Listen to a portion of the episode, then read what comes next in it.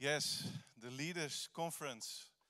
Ehm, we hebben de afgelopen maand hebben we in de serie Ontdek je Shape allemaal weer opnieuw gehoord dat we allemaal zijn geschapen voor een bediening, dat we allemaal gered en geroepen zijn voor een bediening en dat ook iedereen nodig is in een bediening. En uh, de Leaders Conference is een, uh, een prachtige plek om voor leiders, maar ook voor iedereen die een taak vervult of die geïnteresseerd is om een taak te vervullen, om daar naartoe te gaan, geïnspireerd te worden en met de woorden van Paulus toegerust te worden, zodat het lichaam van Christus wordt opgebouwd.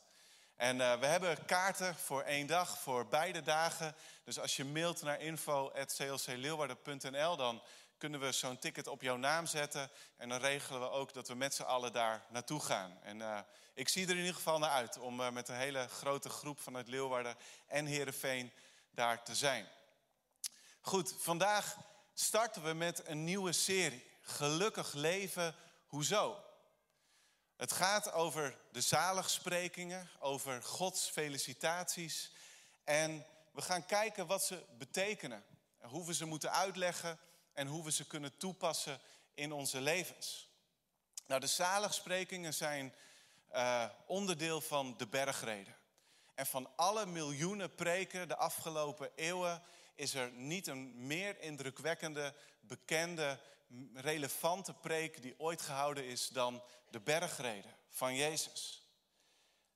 En Jezus die preekt deze preek in, um, in, in de eerste helft van de eerste eeuw na Christus, dus ja, ongeveer in het jaar 30. En toch blijven deze woorden relevant, blijven ze toepasbaar, blijven ze even scherp als het moment waarop hij ze voor het eerst uitte. Hij prikt als het ware dwars door de eigen gerechtigheid van zijn tijd heen, maar ook die van ons. En hij legde de essentie uit van wat is, betekent het nou om rechtvaardig te zijn. En op welke manier geeft dat een alles overstijgende vreugde in ons leven? Nou, op basis van het Eerste Testament, het Oude Testament, zet Jezus een heel wat principes uiteen in die bergreden. En die mogen niet genegeerd worden. Door iedereen die Jezus als redder en als koning beleidt en kent. Maar de vraag is, in hoeverre omarmen we deze woorden van Jezus ook echt? We kunnen die woorden observeren en analyseren en proberen uit te leggen en toe te passen. We kunnen ze op t-shirts printen, op sieraden, op ons lichaam tatoeëren, op de kerk neerzetten, weet ik veel. Waar we overal die bekende woorden, we zetten ze heel graag neer. Maar snappen we ook echt de diepte van deze woorden? We slaan volledig de, de plank mis totdat we deze woorden um, serieus gehoorzamen en gebruiken om ons leven te bepalen. Nou, Jezus spreekte de bergreden om een blijvende verandering in ons allemaal teweeg te brengen. Hij daagt ons uit om niet gelijk te worden aan de wereld om ons heen, maar de wereld op zijn kop te zetten. Hij wil dat zijn volgelingen in de kern van hun wezen gelijk worden aan Hem. Een goddelijke minderheid die de wereld ingaat om die wereld te veranderen. En de komende maanden gaan we ontdekken hoe anders dat is dan al het andere. Hoeveel moed en dapperheid er voor nodig zijn om uh, nog vollediger Gods genade te aanvaarden in ons leven.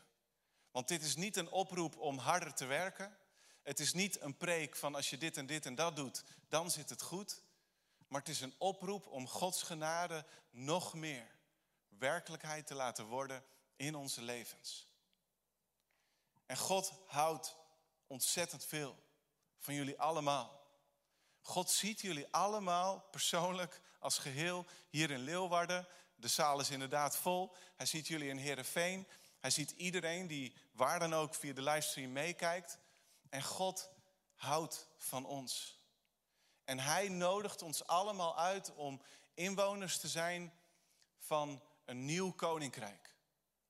Dus onze nationaliteit is niet allereerst Afghaans of Iraans of Irakees of Oegandees of Nigeriaans of Duits of Hongaars of Amerikaans of Nederlands.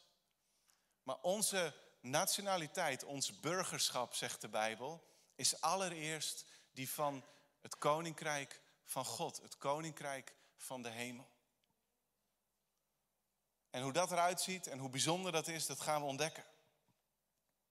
En dat doen we aan de hand van dus de verwachting, de, de Messias-verwachting allereerst ehm, heel goed te realiseren.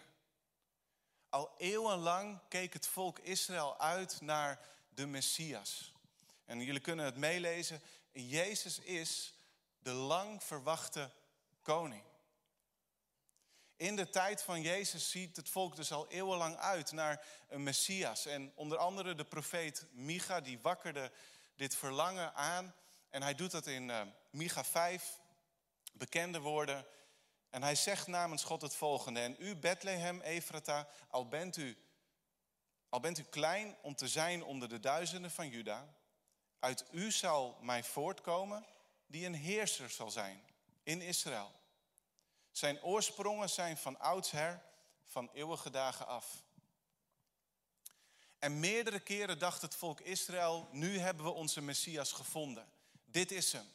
In het boek Handelingen, twee keer aan het begin, één keer aan het eind, worden drie van die Messias-figuren aangehaald. En uh, dat gaat over uh, Tadduis en over Judea, uh, Juda de Galileër. en over een onbekende Egyptenaar. En we kennen deze personen ook uit de, de geschiedschrijving van Flavius Josephus. Maar iedere keer werden ze weer teleurgesteld en bleken die mannen niet de Messias te zijn. En al die valse Messiassen hadden één ding met elkaar gemeen. Ze kwamen in opstand tegen de Romeinse overheerser. En dat is waar de Joden ook op hoopten. Ze geloofden dat de Messias zou komen om, desnoods met geweld, de overheersers te verdrijven. Ze geloofden dat ze bevrijd zouden worden, dat het koninkrijk van David weer terug zou keren. En die hoop en verwachting die baseerden ze op de profeten. En de kern van de Joodse Messiasverwachting die is door de eeuwen heen tot vandaag hetzelfde gebleven. De hoop op de verlossing van de aarde, van haat, van oorlog, van verdrukking, van ziekte en van verdriet. Een verlossing die niet alleen maar Israël weer terug zou brengen naar het land en zou verenigen, maar ook de hele wereld. Omdat het volk Israël de roeping had een koninklijke priester te zijn onder alle volken. Die hoop op verlossing die komt ook tot uiting in een van hun vaste gebeden, het 18-gebed. En dat behoorden gelovige Joden dagelijks uit te spreken. In dit gebed, dat uit verschillende delen bestaat, bidden ze voor de terugkeer van de ballingen die verspreid zijn over de hele wereld. Bidden ze om herstel van de rechtsorde en dat koningschap van de Heer vanuit Sion. Bidden ze voor het neerslaan van alle vijanden, om zegen over de rechtvaardigen en om het bouwen van een nieuw Jeruzalem. En dat ultieme gebed is dan dat de Messias zal komen om dat allemaal te bewerken. En nou is het zo dat heel veel Joden in de dagen van Jezus hem niet herkenden als die beloofde Messias. Want ze hadden nooit gedacht dat de Messias die zou komen, dat hij lang gekoesterde tradities omver kwam werpen. Dat hij benadrukte dat het niet om de letter van de wet ging, maar om het hart van de wet. Ze hadden helemaal niet gedacht dat de Messias die zou komen niet een grote koning was, maar een nederige man die de weg van lijden en sterven ging, om pas daarna weer op te staan en ten hemel te gaan. Maar ze, ze verwachten een hele andere Messias. En daarom schrijft Matthäus zijn evangelie. Er is geen andere evangelist die zo vaak het Oude Testament citeert, of één tekst of hele gedeeltes, meer dan 65 keer in zijn evangelie. Om juist aan de Joden duidelijk te maken, hé, hey, deze Jezus, dat is jullie Messias.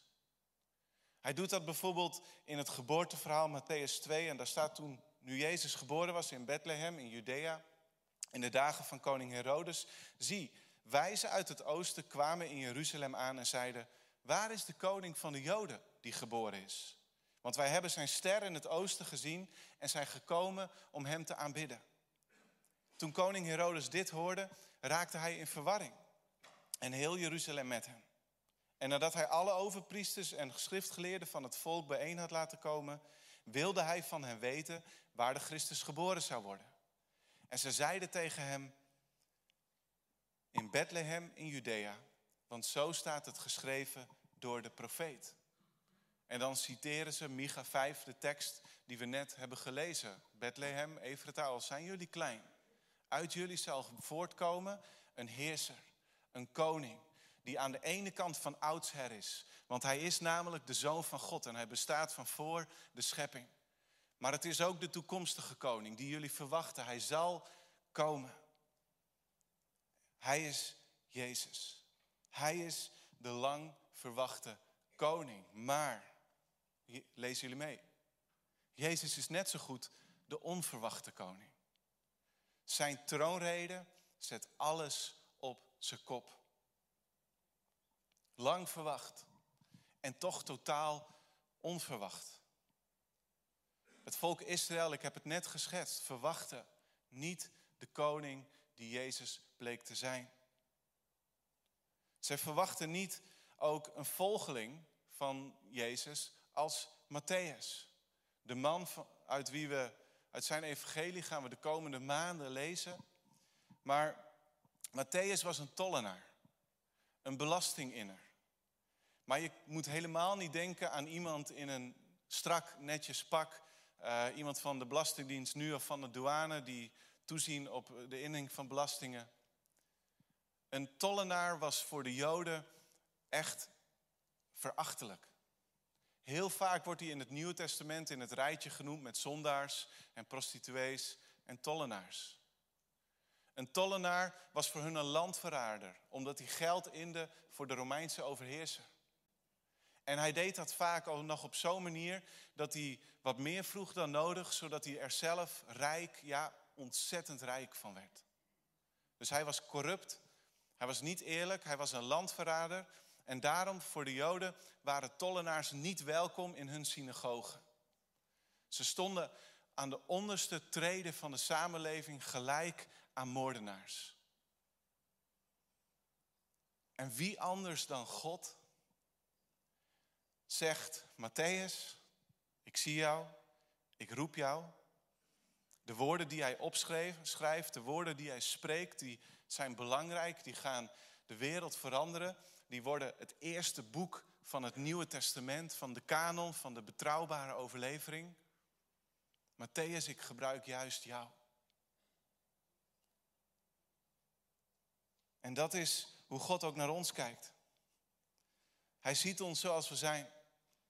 Met alles wat we hebben gedaan en alles wat we hebben nagelaten te doen toen het wel nodig was, toen het wel goed was. Hij ziet ons allemaal op onze sterke dagen, maar ook in onze hele zwakke momenten. Hij ziet ons met al onze pijn en met al onze schuld. Maar net als in Matthäus ziet hij een volgeling, een vertrouweling, een leerling van hemzelf, een inwoner van zijn koninkrijk. En misschien ben je helemaal niet onder de indruk van jezelf. En waarschijnlijk heb je al lang door dat je niet perfect bent. En dat hoeft ook niet. Je zult nooit de redding van God met al je beste kunnen en streven hoeven te verdienen. En het zou ook nooit lukken. Denk aan Matthäus. En beluister deze maanden heel erg goed de bergreden die beginnen met de zaligsprekingen.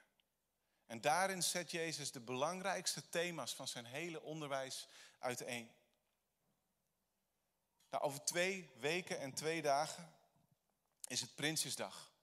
En dan zal koning Willem-Alexander de zogenaamde troonrede voorlezen.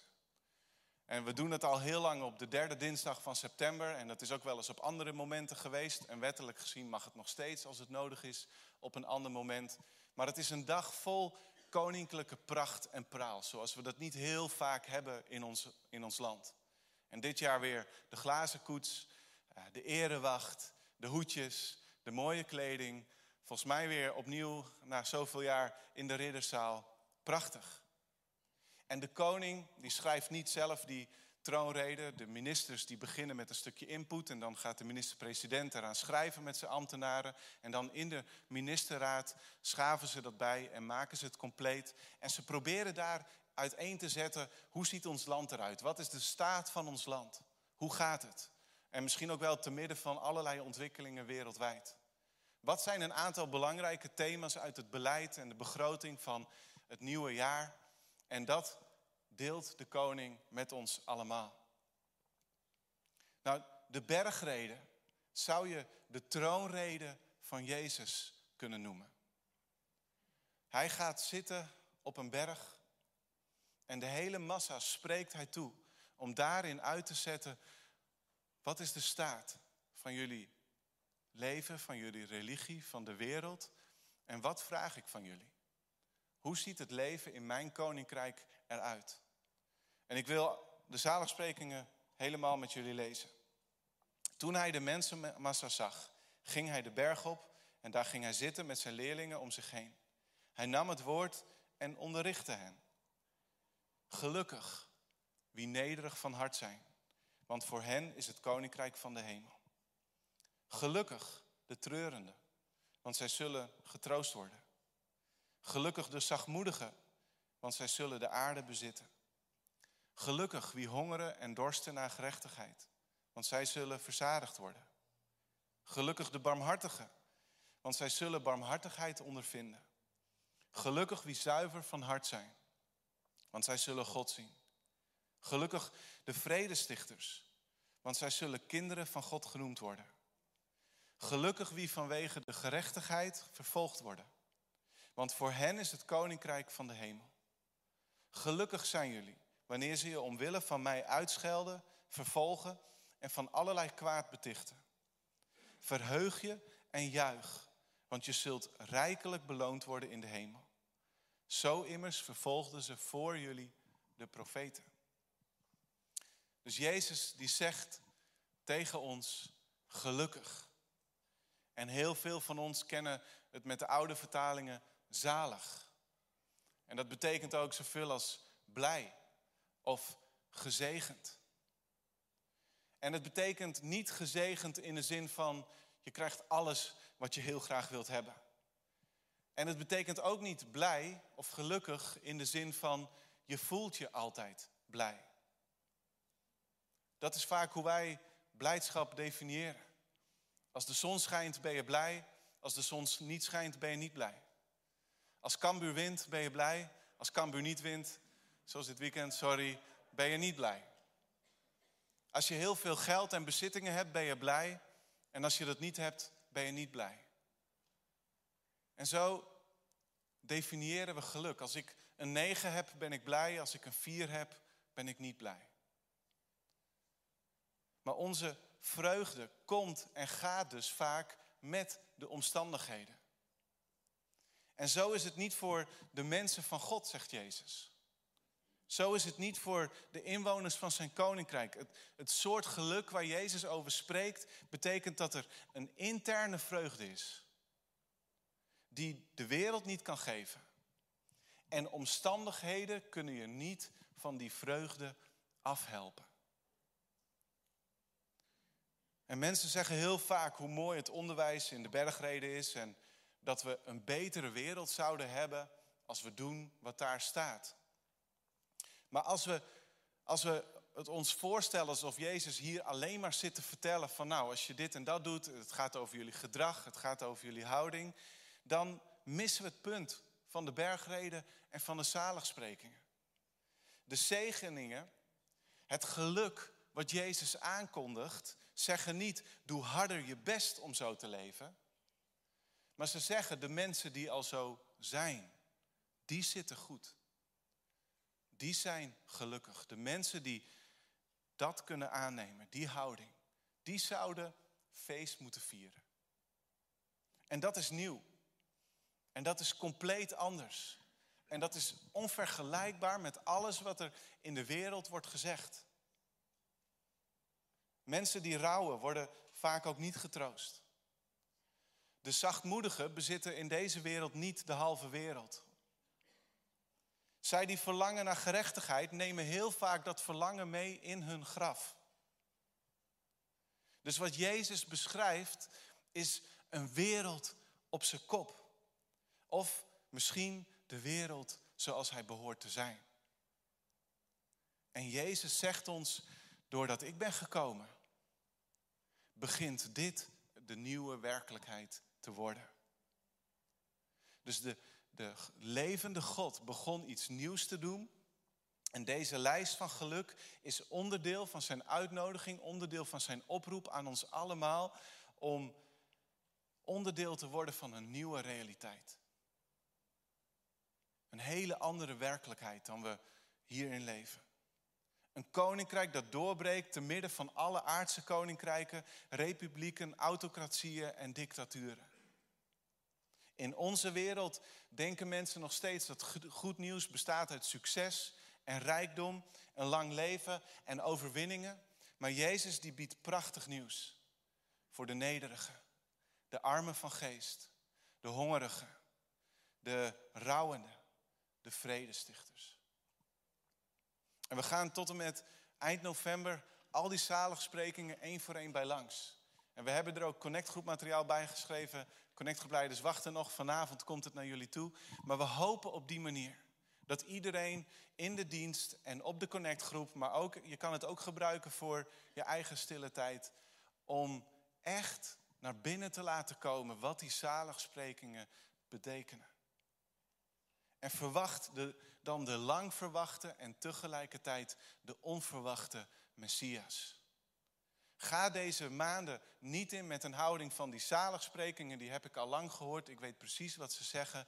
Maar ga deze maanden in met een houding, wat voor nieuws ga ik leren?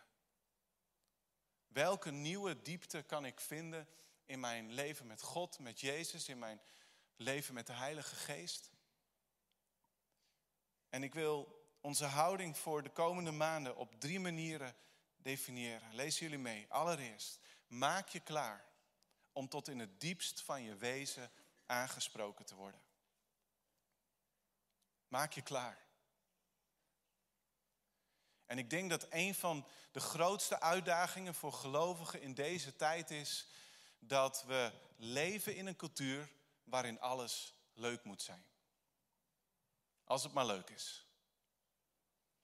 En we denken heel vaak, als iets ongemakkelijk, of als iets impopulair is, of als iets lastig te begrijpen is, dan zal het niet zo bedoeld zijn.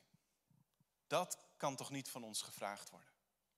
En we doen ons best om het zo leuk mogelijk te maken, om de scherpe randjes ervan af te halen, want het moet wel leuk blijven. En het is absoluut een verantwoordelijkheid om na te denken over wat je zegt, over hoe je het zegt. En soms ook eerlijk zeggen, ik begrijp het niet helemaal, dus blaas niet hoog van de toren. Maar je hoeft geen theoloog te zijn.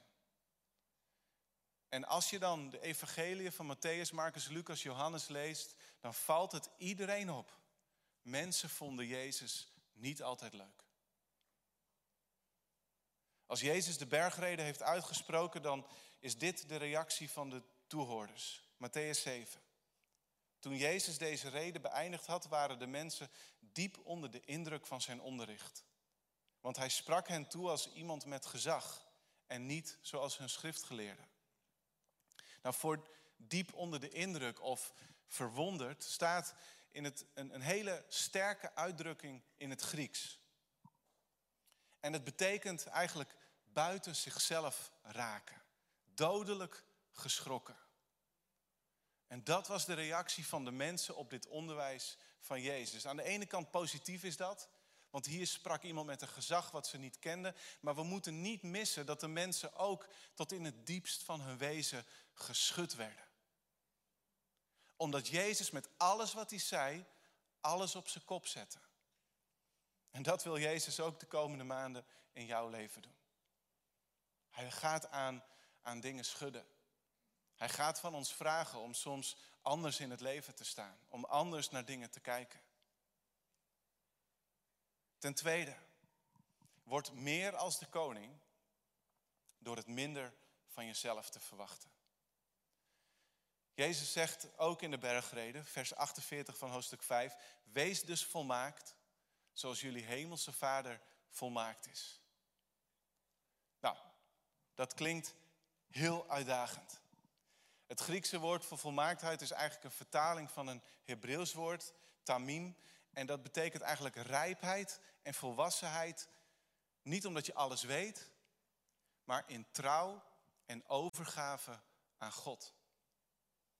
Dus dat God hier als ons voorbeeld wordt gesteld, wees volmaakt. Zoals God volmaakt is, dat wijst ons niet op, oh we moeten net als God zonder zonde zijn. Maar het wijst op zijn liefde, op zijn goedheid. En daarvan zegt Jezus, zo moeten jullie ook worden. Daar moeten jullie meer op gaan lijken.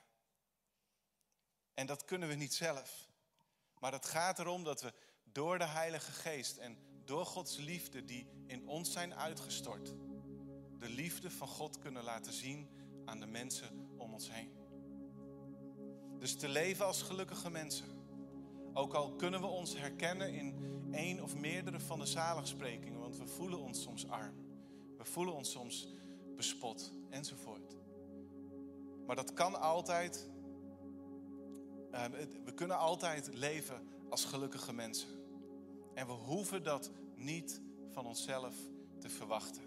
John Stott die zegt het heel mooi. De bergreden, de zaligsprekingen, beschrijven hoe het menselijk leven en de menselijke gemeenschap eruit zien wanneer ze onder de genadige heerschappij van God komen. En hoe zien ze er dan uit? Anders. Dus maak je klaar om tot in het diepst van je wezen aangesproken te worden. Word meer als de koning door het niet van jezelf te verwachten. En als laatste, verwacht dat Jezus als koning en Immanuel, God met ons, dichterbij komt. Opnieuw Matthäus. Prachtig vanuit het Oude Testament zegt hij in hoofdstuk 1, vers 23: De maagd zal zwanger zijn en een zoon baren.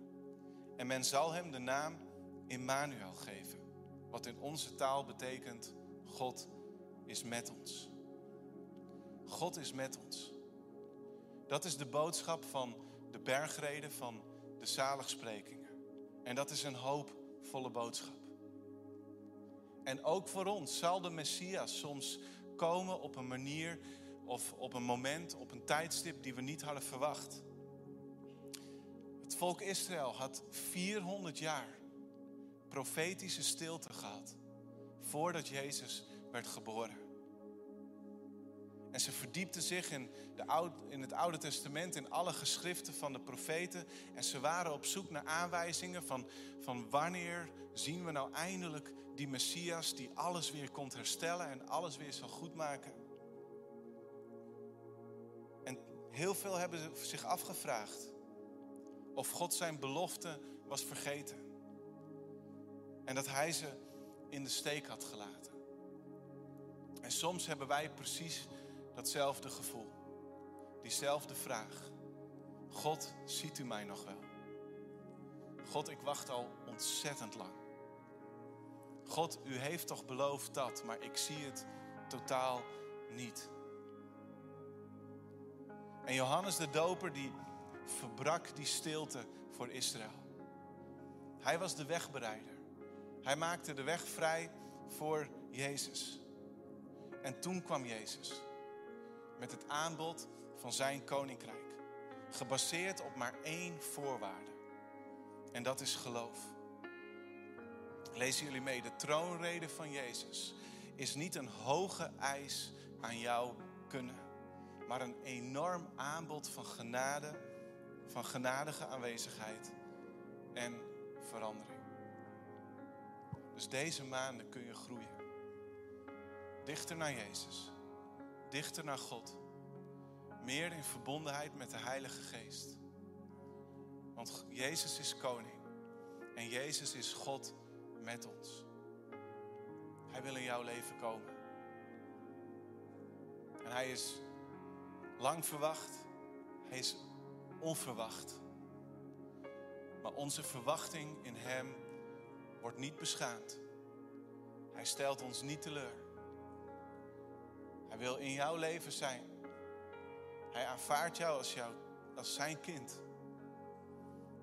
Hij is voor jou aan het kruis gestorven en weer opgestaan uit de dood. We gaan het straks vieren, we gaan het straks beleven door het avondmaal. En Jezus biedt jou aan om een inwoner te worden van het koninkrijk van de hemel. En met elkaar mogen we door die zaligsprekingen te harte te nemen, een stukje hemel op aarde laten zien. Zullen we met elkaar gaan bidden. Lief Vader in de hemel, we danken u voor uw woord. Heer, dat het betrouwbaar naar ons toe is gekomen, dat u betrouwbaar bent. We danken u voor de zaligsprekingen. En dat u zegt gelukkig. Gelukkig zijn jullie. En zelf ervaar je het misschien niet als gelukkig. En de wereld zal het zeker niet bekijken als gelukkig. Maar je bent gelukkig. Als je zwak wordt. Als je het niet uit jezelf verlangt. Als je niet harder gaat werken. Als je niet iedere, iedere vorm van liefde naast je neerlegt. Maar je gaat het geluk vinden. Ongeacht de omstandigheden. Ongeacht je situatie. Als je het vindt in mij. En Jezus wil jouw redder zijn. En ik wil op dit moment je uitnodigen als je, als je zegt, ja, ik heb, ik heb Jezus nodig. Ik heb de koning nodig in mijn leven. Hij is degene naar wie mijn verlangen ten diepste uitging. Hij is degene die mijn leegte kan vullen. Dan nodig ik je uit om op dit moment die keuze te maken. Om even je hand in de lucht te steken, zodat we kunnen bidden, zodat we je kunnen zegenen. In Heerenveen, en thuis en hier. Steek je hand omhoog. Zegt, Jezus, u bent opnieuw mijn redder. U bent mijn redder. Dank jullie wel. Dank je wel. Dank jullie wel. Dank je wel. U bent mijn koning. U bent genadig. U bent zo goed. Jezus, dank u wel. Voor iedereen die de hand omhoog heeft gedaan. Dank u wel dat u in hun leven komt. Heer, en sommige mensen maken die keus voor het eerst en anderen misschien dat ze zich opnieuw aan u willen toewijden. En Heere God, ik bid uw zegen over hen allemaal. En ik bid dat we met elkaar door samen overal deze zaligsprekingen te bestuderen, dat we met elkaar een stap verder mogen gaan. Een leven mogen leven wat nog dieper verbonden is met u. Heere God, ik bid dat we al onze eigen streven en al onze, onze aardse verlangens naast ons neer weten te leggen. Heer, we verlangen naar alleen nog maar u en uw koninkrijk. In Jezus' naam.